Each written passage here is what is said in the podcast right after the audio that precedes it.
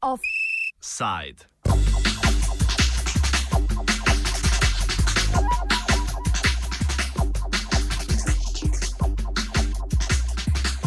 Evropsko poročilo o korupciji.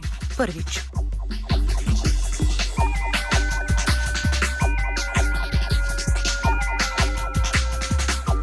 Evropska komisija je po dolgotrajnem zavlačevanju objavila prvo poročilo o korupciji v državah članicah Evropske unije, s katerim Evropska komisija, po navedbah komisarke za notranje zadeve Cecilije Malmstrom, začenja zapozneli boj proti temu obsežnemu problemu.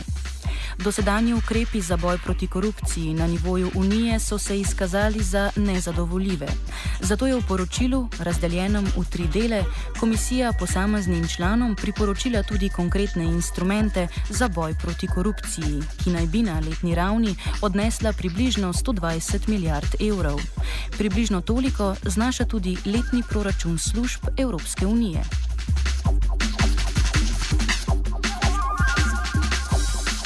Poročilo v delu, kjer ugotavlja stanje na področju korupcije v posameznih državah, za Slovenijo zaznava upad politične volje za boj proti korupciji.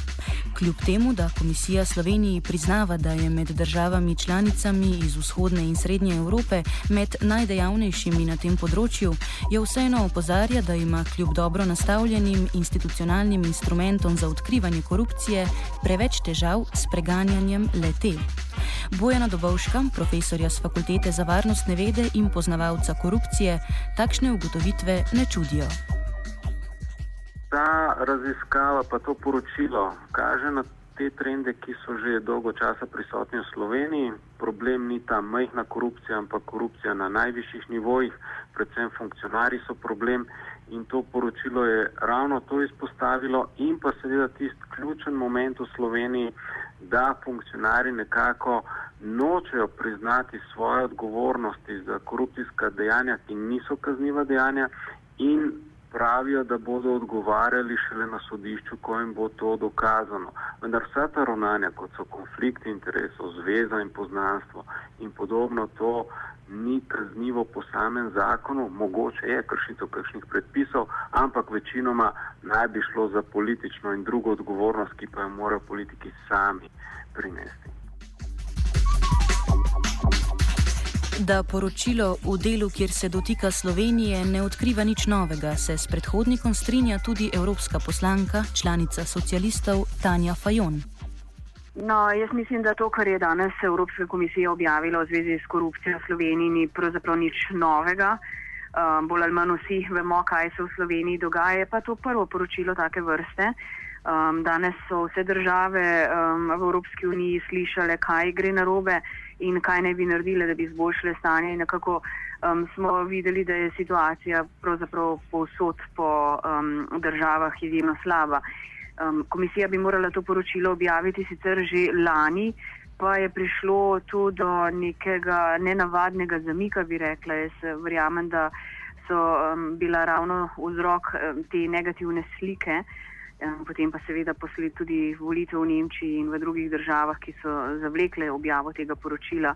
Interesi zadaj so bili veliki, da bi verjetno pred javnostjo razkrili tiste večje nepravilnosti v Sloveniji, pa jaz mislim, da, da sicer nekaj priznan smo dobili, da, da imamo um, postavljen nek institucionalni ukvir, da se stvari spreminjajo na bolje, ko gre za borbo proti korupciji, ampak da je očitno zmanjkalo politične volje. In jaz mislim, da se tega zavedamo in uh, verjetno dokler se v državi ne bo popravilo stanje morale, dokler bomo molčali in okrog sebe dopuščali vsakršna koruptivna dejanja, um, do takrat lahko verjetno izboljšanju samo sanjamo. Korupcija sama od sebe ne bo namreč izginila. O pogotovljeni upadli volji oziroma politični volji za preganjanje korupcije Evropska komisija Sloveniji priporoča tudi konkretne ukrepe na tem področju. Tanja Fajon je povzela tiste ključne, ob tem pa poudarja, da priporočila komisije niso zavezujoča. V tej strokovni komisiji, ki jo je oblikovala Evropska komisija, so dejansko sedeli strokovnjaki iz večjih držav članic Evropske unije, ki so, mislim, da dve leti ali več delali na tem poročilu. Dejansko gre za neko strokovno podlago. Evropska komisija je upoštevala njihova priporočila. Tako da, um, ko, ko pa govorimo o Sloveniji, pa um, lahko rečem še to, da, da Slovenija recimo. Um, bi morala stvari izboljšati, ko gre za um, uvedbo odvračalnih kazni za izvoljene imenovane funkcionarje, če kršijo zahteve o privojavi premoženskega stanja ali nasprotja interesov.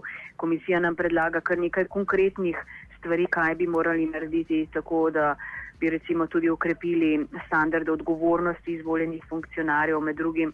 Um, naj bi Slovenija zaščitila operativno neodvisnost vire proti korupcijskih organov, ter posebne toživske službe za boj proti finančnemu kriminalu. Torej, vsaka država je bila določena nekih kritik in pa seveda nekih priporočil, kaj narediti. Dejstvo je, da ta priporočila zdaj niso obvezujoča. Enako smo mi storili v Evropskem parlamentu, kjer smo pred časom sprejeli um, obsežno poročilo s smernicami, kaj naj naredijo evropske vlade, da bi izboljšale borbo proti korupciji. Zdaj pa je seveda politična volja um, nacionalnih vlad, kaj bodo dejansko naredile.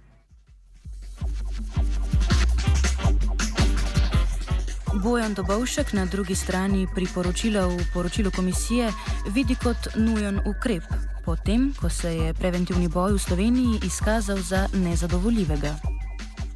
Komisija za preprečevanje korupcije je bila zasnovana pred leti kot preventivni organ, kot tista avtoriteta v Sloveniji, na podlagi katerih mnen uh, naj bi funkcionari sami ukrepali tako, kot je prav. Vendar, ker do teh ukrepa ne prihaja, se sedaj predlagajo neki represivni ukrepi, ker kakorkoli funkcionari, ko so kršili to korupcijo v širšem smislu, ki ni kaznivo dejanje, potem niso hoteli odstopiti. Zato takšni predlogi. Dobovšek ob tem opozarja, da politične apatije, ko gre za resen spopad s korupcijo, poročilo ne bo odpravilo. Po njegovem gre zgolj za kamenček v mozaiku boja proti korupciji, največ pa bo na tem področju morala postoriti Slovenija sama. To je samo eden izmed majhnih kamenčkov v celotnem mozaiku. Ključno je, da bodo ti evropski standardi začeli veljati tudi na političnem nivoju, ko naši ljudje grejo v tujino in da jim evropski predstavniki rečejo, da naj spoštujo te norme. Ne. Dokler pa jim nišče v Evropi to ne bo rekel, bo postalo tako, kot je. Bolj optimistična je Fajonova, ki ohranja upanje, da predlagani ukrepi in ugotovitve evropskega poročila ne bodo ostali mrtva črka na papirju. Jaz si močno želim, da ta priporočila ne bodo ostala samo na papirju. Zdaj, kar opažam, vsaj v zadnjih dveh letih na ravni Evropske unije, tudi v parlamentu smo imeli posebni odbor za borbo proti korupciji, da, da ljudje veliko več o tem govorijo, da, da se stvari spreminjajo. Da, do zdaj smo govorili o percepciji korupcije, kjer so ljudje priznavali, da um, je korupcija velik problem v njihovih eh, državnih sistemih. Danes imamo neke prve kazalce o tem, kakšno je dejansko stanje, da ne gre zgolj za percepcijo. Um, moramo se zavedati, da evropski davkoplačevalci vsako leto zaradi goljufij v institucijah zgubimo okoli 500 milijonov evrov javnega denarja. Ukrepi upam, da ne bodo res samo na papirju. Um, tudi kot sem omenila, so v Sloveniji neki premiki um, tudi ko gre za uh, borbo proti sivi ekonomiji, ampak verjetno je res najprej um, na nas, da začnemo uh, spreminjati korak po koraku tudi um, našo mentaliteto, kaj dopuščamo, že ko gre za majhno korupcijo in seveda uh, največji problem, ki je v Sloveniji, je sistemska strukturna korupcija, torej povezanost um, podjetja, gospodarstv, gospodarstva z, z politiko. In, tu bodo potrebne korenite spremembe in um, verjetno velik premik v borbi, ki pa bo zahteval politično voljo vseh. Problemom korupcije pa se seveda ne ubada samo Slovenija. Evropska poslanka Fajonova opozarja na zavlačevanje z objavo poročila. To naj bi zamudo v javnost prišlo po zaslugi lobiranja najvplivnejših evropskih držav, ki so na ta način želele lastno stanje na področju korupcije prikrivati čim dlje. Zdaj, po mojih neuradnih informacijah um, bi um, šlo predvsem za zaviranje strani tistih večjih držav zahodnega dela Evrope, kjer do zdaj eh, smo nekako verjeli, da korupcija ni bila velik problem.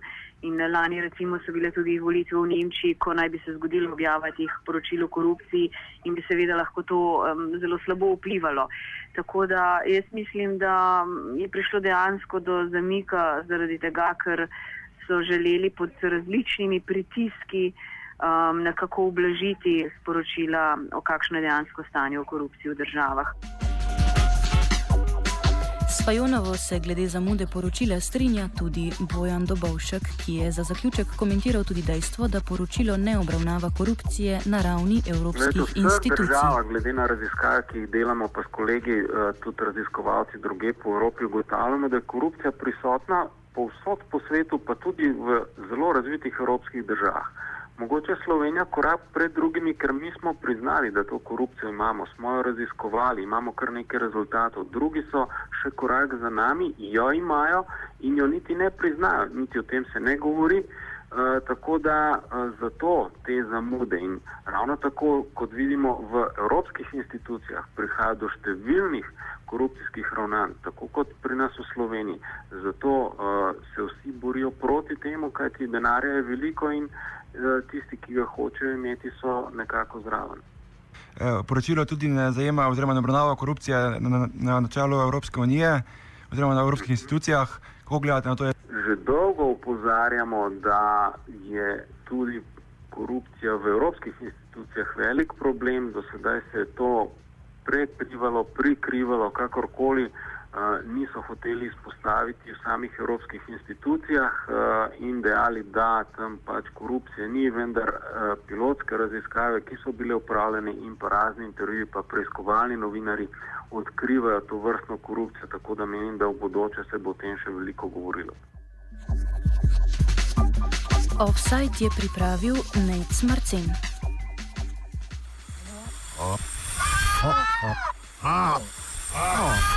Nec Marcin. Offside.